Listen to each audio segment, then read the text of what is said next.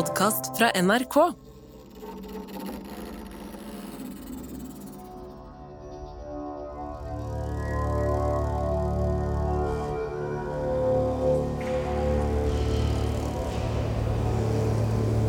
Et slott nord for København, juni 1671. Slottskirka der er full av fintfolk. De ser ut som små porselensdukker alle sammen, med knestrømper og pudra parykker og rysjete ermer og store krager. 24 år gamle kong Kristian 5. er bra spent.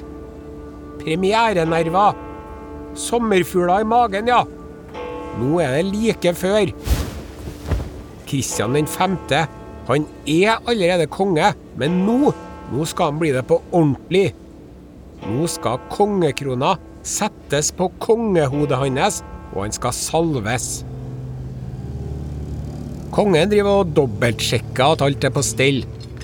Folk kommer til å bli så imponert. De aner ingenting. I all hemmelighet har kongen fått laga splitter nye kronregalier til den store dagen. Peise nytt rikseple. Et gyllent eple som skal symbolisere jordkloden. Funklende nytt rikssverd, som kongen liksom skal forsvare riket med. Smellfersk herskerstav, også kjent som septer. Check. Og kronen på verket, bokstavelig talt. Splitter ny, over to kilo tung kongekrone. Med gull og safirer og granater og rubiner i rødt og blått og lilla. Det bruker å være erkebiskopen som kroner kongen, men det skal han ikke gjøre i dag. Biskopen kan holde de klamme presthendene sine for seg sjøl, har Kristian 5. bestemt. Han skal ikke sette kongekrona på hodet mitt, det er noe sikkert. Sant? Stakkars pappa måtte jo bli godkjent av det forbaska riksrådet før han ble konge. Nå er det heldigvis slutt på det. Jeg som er sjefen, jeg bestemmer. Hele veldet er mitt alene. Jeg er eneveldig. Jeg bestemmer alt. Jeg er konge. Det er ingen mellom meg og Gud. Derfor skal ikke noe biskop sette krona på hodet mitt.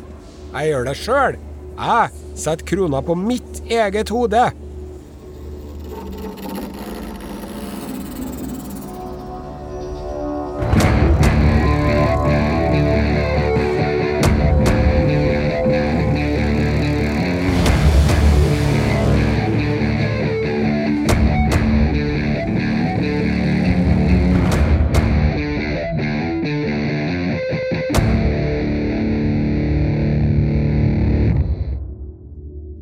Hører Kongerekka med Are Sende Osen, sesong fire. En podkastserie om de norske kongene. Episode seks Fredrik den tredje, Kristian den femte og Fredrik den fjerde. Kongene som ikke fikk opplæring.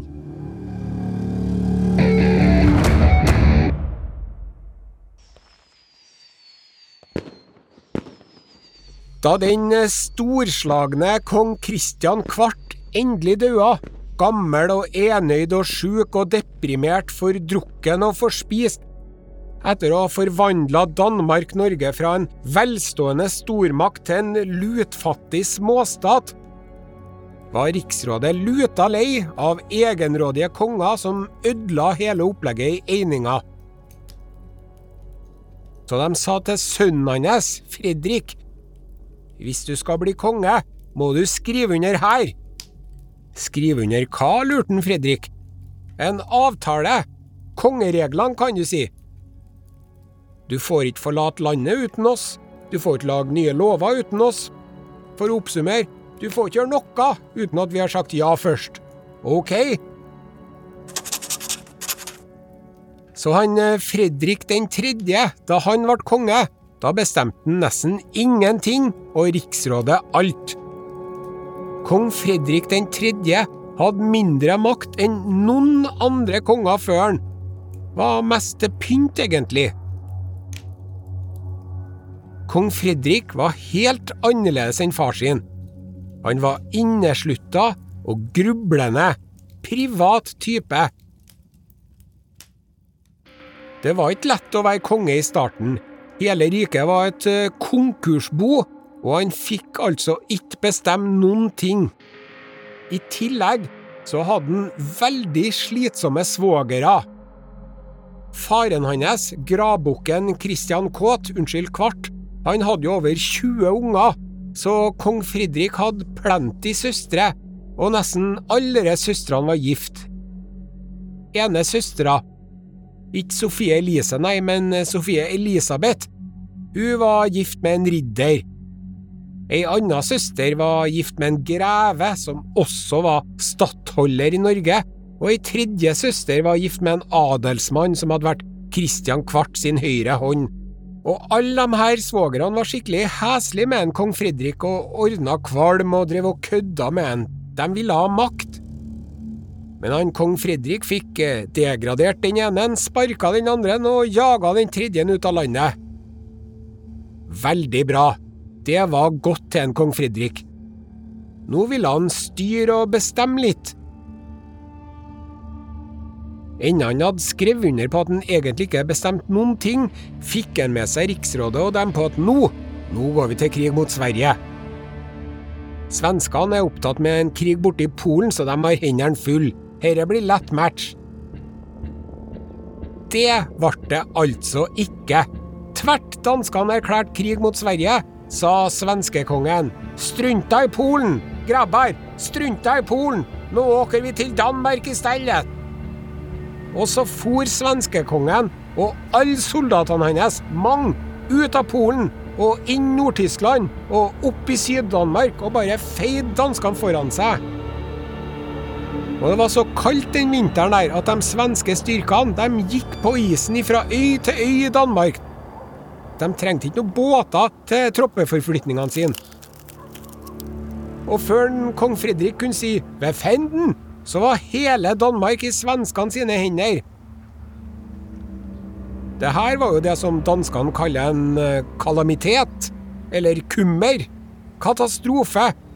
Så da sa kong Fredrik den tredje eh, det var jo ikke sånn det skulle gå. Hallo, hallo, kan vi få fredsforhandlinger, kanskje? Og svenskekongen sa så skal det låte. Så forhandla de fram og tilbake om øyer og landområder rundt Østersjøen og diverse greier, men det som er interessant for oss, det er at plutselig var hele Midt-Norge svensk.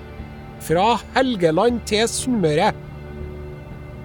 Og dessuten hele området fra Halden og helt ned til Göteborg, Båhus-Len, som hadde vært norsk i hundrevis av år. Heldigvis klarte norske bondesoldater å vinne tilbake Midt-Norge etter bare et par år. Men Båhuslen var gone forever. Svensk. Aldri mer norsk. Takk skal du fanken meg ha, Fredrik din fjott. Men det her var bare begynnelsen på Fredrik den tredje sin suppedas, eller fedefat, som de sier i Danmark.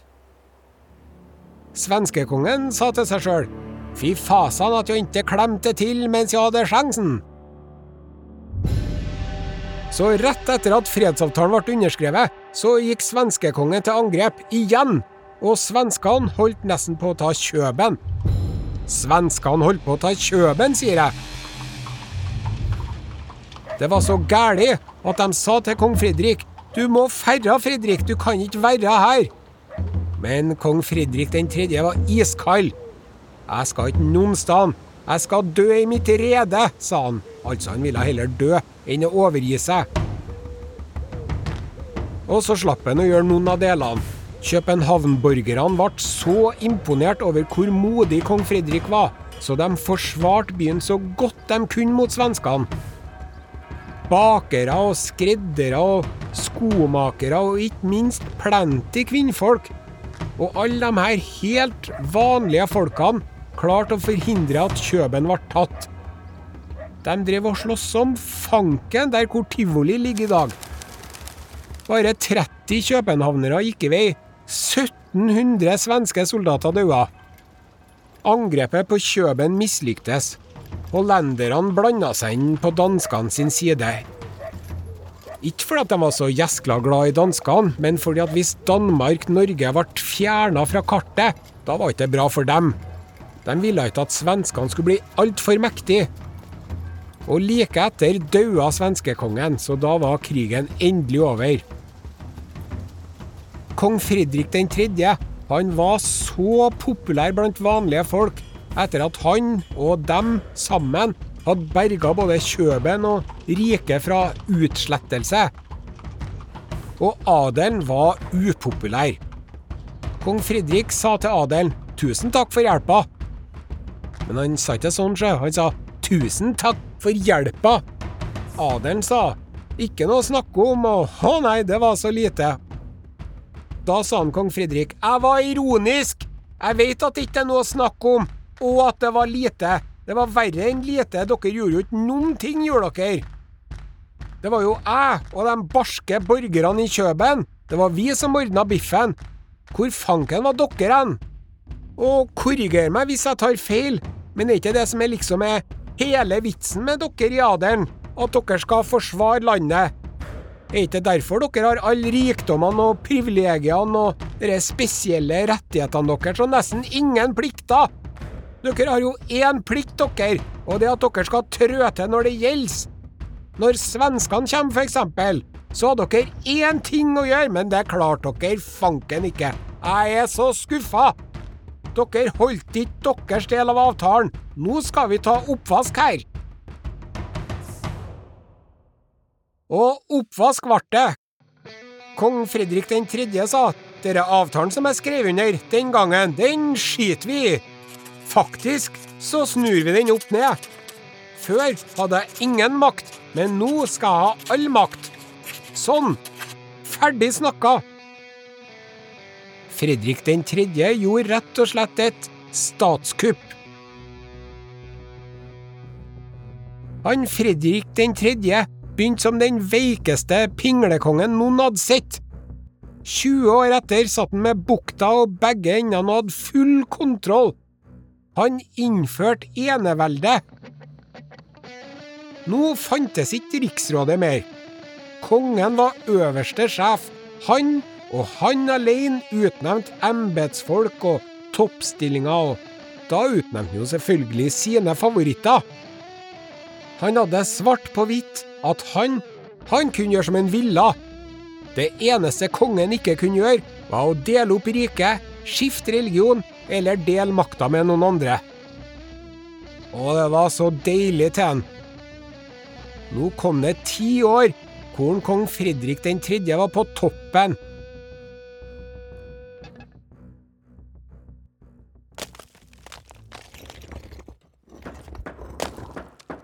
Han bygde masse festninger og borger rundt omkring. I Norge var det her tvangsarbeidet for bondesoldater. Militæret i Norge, det var billig. Det var bønder som ble tvunget til å være med. Nede i Danmark var hæren dyr og profesjonell. På den tida her var det ingen andre land som hadde flere militære i forhold til folketallet enn Danmark-Norge. Og så tvang eneveldskongen adelen til å betale skatt. Har du hørt på maken? Adelen måtte betale skatt. Og så sa han kong Fridrik at når jeg døde, da skal sønnen min bli konge tvert. Og ingen har noe de skulle sagt om det, ok? Ok, Fredrik, sa alle sammen. Han Fridrik Fredrik den tredje, han var en grubler, mutt, inneslutta, og vet du hva? Ikke drakk han for mye, og ikke forspiste han seg. Og det at en kong Fredrik viste måtehold med mat og drikke, det skiller seg ut. For nå fløyt det med alkohol. Folk var konstant berusa, virker det som. Livlegen til kong Kristian Kvart skrev at de fleste danske, især adelen, er overordentlig hengivne til drikk og kan tilbringe natt og dag med å tømme begeret. Og det var like galt i Norge, med tilhørende vold og all slags moralske utskeielser. Hva kom det av? Jo, brennevinet kom på siste del av 1500-tallet. og det ble en kjempesuksess. Så da måtte det komme mange lover og regler om alkohol. Ikke lov å selge alkohol i norske byer før kirketid på søndager, for da kom alle sammen full i kirka. På landsbygda forbudt å selge alkohol på kirkebakken. Forbud mot å selge øl på prestegården. Vielser måtte starte klokka elleve. Det var for at folk ikke skulle være dritings eh, før de kom. Og så var det ikke lov å holde likvake over flere netter, for da ble det bare drukkenskap, lek og raseri som hos hedningene. Vet du, de måtte lage en lov om at de som skulle bære liket i begravelsene, ikke måtte være full fordi de drev og mista liket eller lot det falle slemt. For en gjeng! Men eh, kong Fredrik den tredje Sjøl om han tok et glass vin til maten, så var ikke han med på det opplegget der. Og ikke hadde han elskerinna. Men det hadde kona hans. Eller elskere, da, sier de. Kanskje det var derfor at han var så mutt. Jeg veit ikke. Men han var ikke så mutt, sjø. Han hadde fester, og på disse festene hadde han et partytriks. Når kong Fredrik skulle ha fest, da sa han til dronninga si Sofie Amalie, du, på festen. Hva sier du? Hva tror du? Tenker ikke du at Ja, du gjør det du òg, ja. Og så klappa han i hendene sine, og så ropte han Tjenere, sett fram buksevannstolen! Buksevannstolen til en Fredrik den tredje, det var en stol som du burde ha kunnet kjøpt på en eh, morobutikk for skøyersaker. For den buksevannstolen, når en greve eller stattholder eller kammerjunker eller rikshovmester eller erkebiskop eller hvem det nå var, når den uheldige personen satte seg i Fredrik den tredje sin buksevannstol, da ble han blaut i rumpa, så det så ut som om vedkommende hadde tissa seg ut. Ha-ha-ha! Å herlighet, jeg flirer meg i hjel. Men så, da? Prenkevitsen er ikke ferdig ennå, sjø. Når den personen da spratt opp fra stolen sin, hva i all verden, liksom? Da kom det en prompelyd ifra kong Fridrik sin buksevannstol.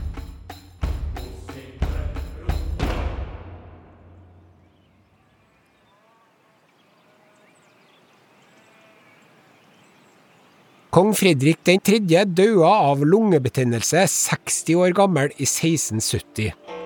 Og nå ble det automatisk sånn. Kongen er død! Leve kongen! Fredrik den tredje sin eldste sønn, Kristian, han ble konge dønn! Trengte ikke å skrive under på noe avtale. Krona seg sjøl etter hvert.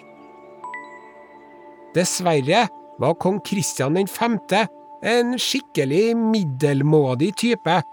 Det var et eh, misforhold mellom kongens eneveldige makt og kongens evner. Er ikke det typisk? Kongen får all makt, og så er kongen bare sånn blæ. Men så hadde nå faren hans gitt fra seg eneveldet til en uten ordentlig opplæring. Og ikke hadde han fått noe bra utdannelse ellers heller. Han Kristian 5. han visste nesten ikke noen ting om statssaker før han ble konge, 24 år gammel han. Snålt. Kristian var snill og grei og omgjengelig og kjempegod til å ri på hesten sin. Hobbyene hans var jakt og fest. Han Kristian òg ble sendt på dannelsesreise som ung, men det var bare rett og slett en heisatur. Så Kong Kristian 5. var middels, men han hadde gode rådgivere, da. De rådgiverne de var ofte borgere, dem. Han stolte ikke på adelen. Og dermed, hvis du var smart nok, da kunne du komme deg opp i samfunnet, sjøl om du ikke var født inn i eliten. Og dere rådgiverne fiksa det meste for Kristian 5. Og de drev og krevde inn skatt, ja Det var veldig høye skatter i Norge. Det var ikke noe artig til oss, nei. én ting Kristian 5. huskes for, det er lovene.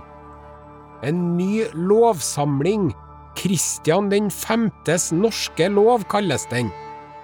Men den burde hett Kristian 5.s rådgiveres norske lov. Deler av den gjelder den dag i dag, faktisk.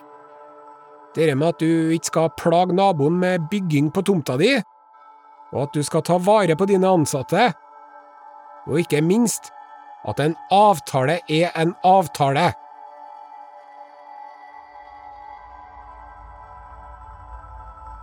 Han kong Kristian, han var som faren og farfaren og farfars far og farfars farfars far og farfars farfars farfar og farfars farfars farfars far opptatt av å krige med Sverige.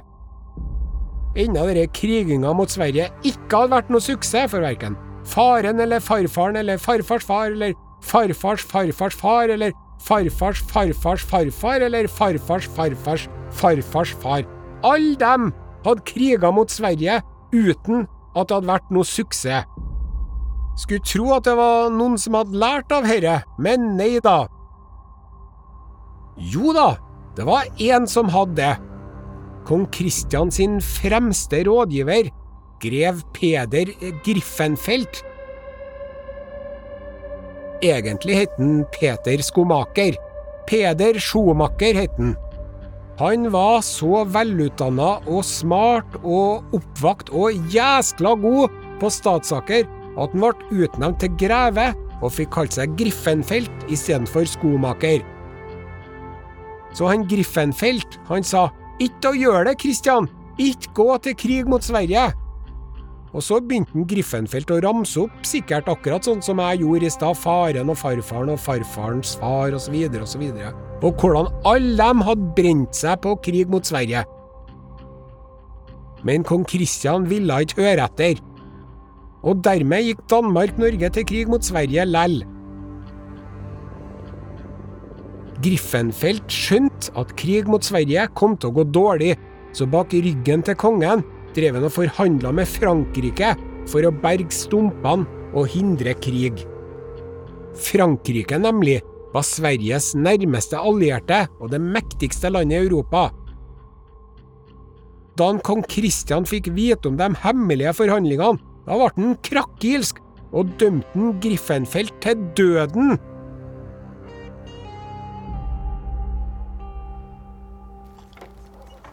Men da Griffenfeldt sto på retterstedet, klar til å bli halshugd, så, ut av det blå, ble plutselig bøddelen stoppa. I siste liten. Griffenfeldt ble sendt i fengsel for resten av livet isteden. Kongen ville at han skulle se døden i hvitøyet før han gjorde om dommen.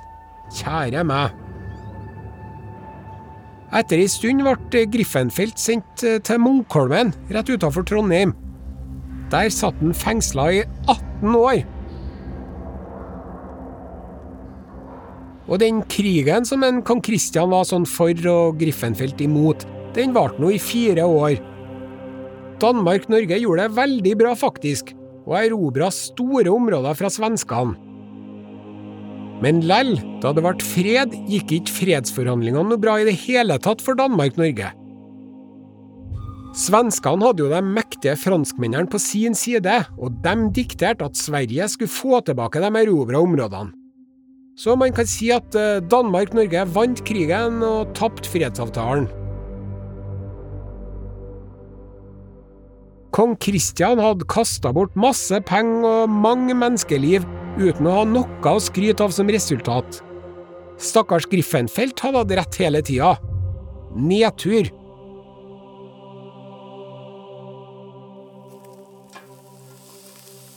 I motsetning til sin måteholdne far, så åt og drakk Kristian 5. med begge nevene, og ble tidlig gammel. Plagdes med gikt og podagra allerede i 40-årene. Utrolig vondt i leddene. Da han nettopp hadde passert 50, var han på jakt. Nå var han så sjaber at han jakta ikke sjøl engang, han bare satt og så på. Da kom det en såra hjort springende og velta kongen og tråkka på han og sparka han litt, og han døde ikke av det der og da, men lell så var jo ikke det noe bra for han. Og året etter døde han. Da hadde han vært konge i Danmark-Norge i nesten 30 år.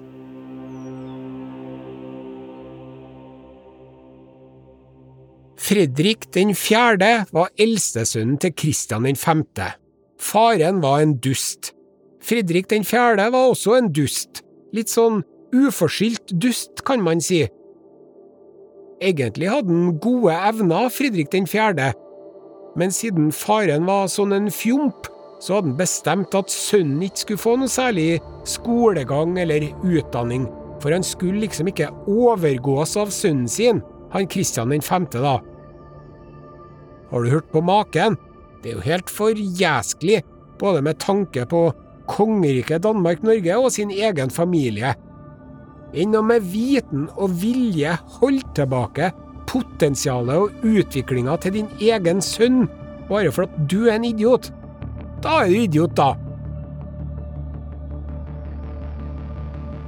Elendig utdanning til tross, Fridrik 4. var populær. Han var sjarmerende og kunne prate med hvem det skulle være, høy og lav.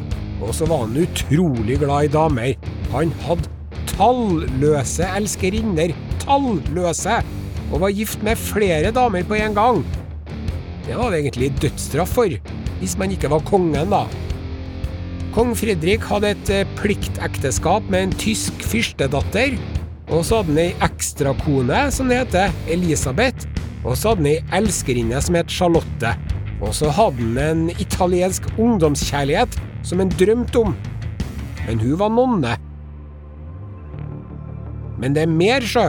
På et maskeradeball møtte han ei adelsdame som het Anne Sofie. Hun må jeg ha, sa Fredrik den fjerde. Ikke tale om din skjørtejeger, sa mora til Anne Sofie og låste inn på slottet sitt. Men da var det bare for kongen å få noen til å bryte seg inn der og kidnappe hun. Bruderov. Og så gifta han Fredrik den fjerde seg med Anne Sofie til venstre hånd, som det heter. Altså som ei slags ekstrakone på si. Men dagen etter at den ordentlige dronninga daua, da gifta han seg med Anne Sofie på nytt. På alvor og til høyre hånd. De fikk seks unger etter hvert. Kong Fredrik 4. gjorde noe så godt han kunne, forholdene tatt i betraktning, og han var faktisk ikke så verst. Han var arbeidsom, jobba tidlig og seint, helt om natta, helt om dagen. Stor arbeidskapasitet. Sjøl om han aldri lærte å skrive ordentlig, verken dansk eller tysk, så var han god i matte og økonomi og var på jobbreiser i all slags vær. Tok imot brev og folk hele tida Hver uke kom all slags folk på audiens på Slottet og klaga sin nød, og kongen lytta sjøl om han var eneveldig.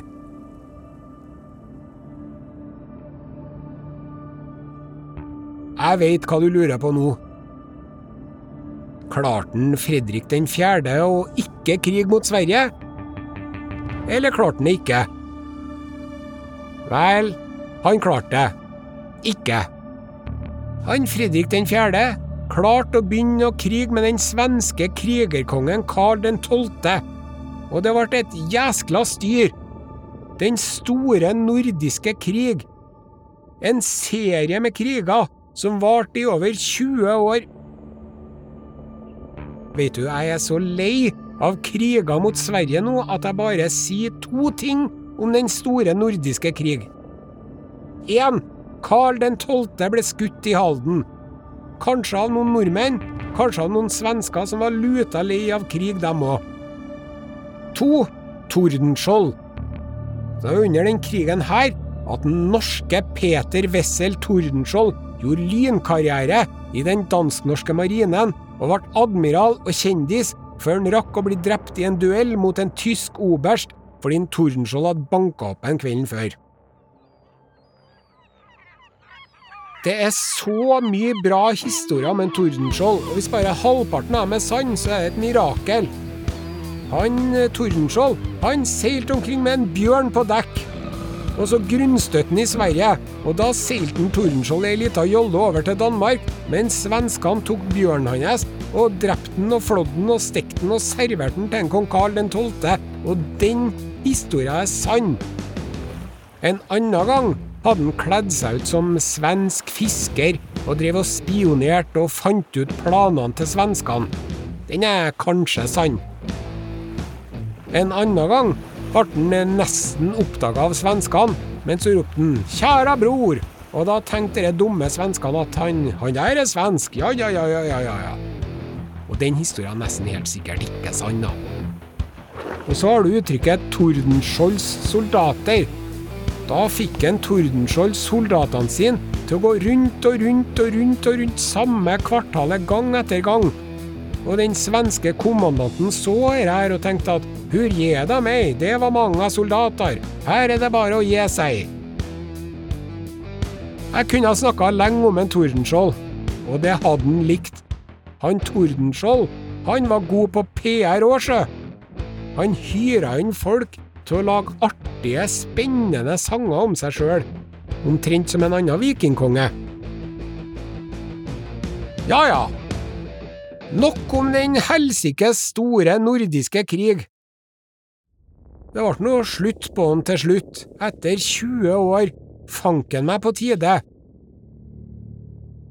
Og da den krigen var over, var det noen som liksom hadde tjent noe som helst på den?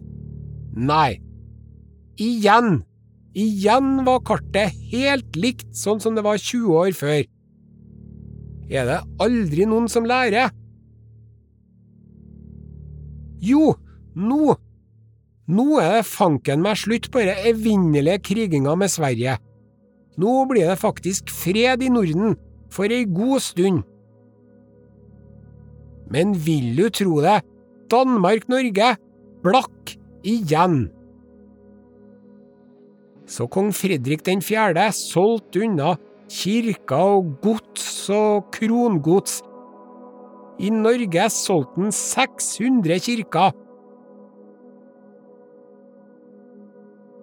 Det gikk skikkelig dårlig med en Fredrik den fjerde på slutten. De ti siste årene var tussig, til tross for at han ikke kriga med Sverige. Sjukdom og ulykker og familiesorger og agg og samvittighetsnag. Alle de seks ungene han fikk med hun Anne Sofie som han kidnappa den gangen, alle ungene daua. Kongen mente at det var Guds straff. Kong Fredrik, den fyrige skjørtejegeren, nå ble han tungsinnkongen. Han ble skikkelig mørkemann, ble han. Nå ble det på moten, faktisk. Pietismen kom fra Tyskland, en veldig from variant av kristendommen. Eller streng, surmaga, sneversynt, trangsynt, som ikke vil at noen skal ha det artig noen sted. Så han Fredrik den fjerde ble med på den bølgen, og forbøy alt som var moro. Maskeradeball forbudt. Komedier forbudt. Ikke lov til å feste på lørdager, og ikke søndager heller. En søndagstur, da. Får vi gå en tur på søndagene, please? Ikke fanken, sa han kong Fredrik. Hæ? Hva som er galt med søndagstur? Jo, søndager, da skal du i kirka. Da skal du fære og promenere og piknike og alt mulig annet nymotens dilldall. Byportene ble bevokta til langt utpå ettermiddagen, så at man fikk bukt med det stadig voksende problemet at folk drev og gikk eh, søndagstur. Tui!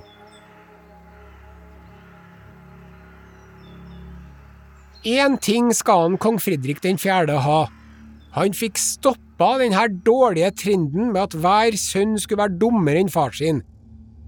Kong Fredrik sin arving, han fikk god utdanning. Junior hadde dyktige, strenge, tyske tysklærere. Så han Kristian den neste, da, Kristian den sjette, hele livet hadde han hatt en far som hadde drevet og festa og tura og drukket og hora og drevet med elskerinner og flerkoneri. En far som var full om morgenen og om kvelden og om dagen og midt på natta. Hørt støyen fra partylivet før faren ble mørkemann. Så hvor bærs det nå? Kristian den sjette, han blir sånn som pappa. Men eh, hva for en versjon? Blir det pietisme? Eller blir det porno?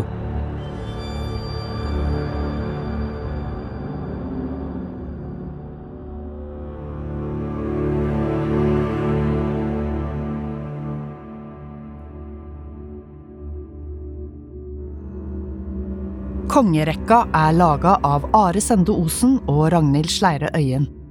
Historisk konsulent er Randi Bjørsol Verdal, og musikken er av Synkpoint. Neste episode handler om Kristian 6. og Fredrik 5. Kongen som viste faren fingeren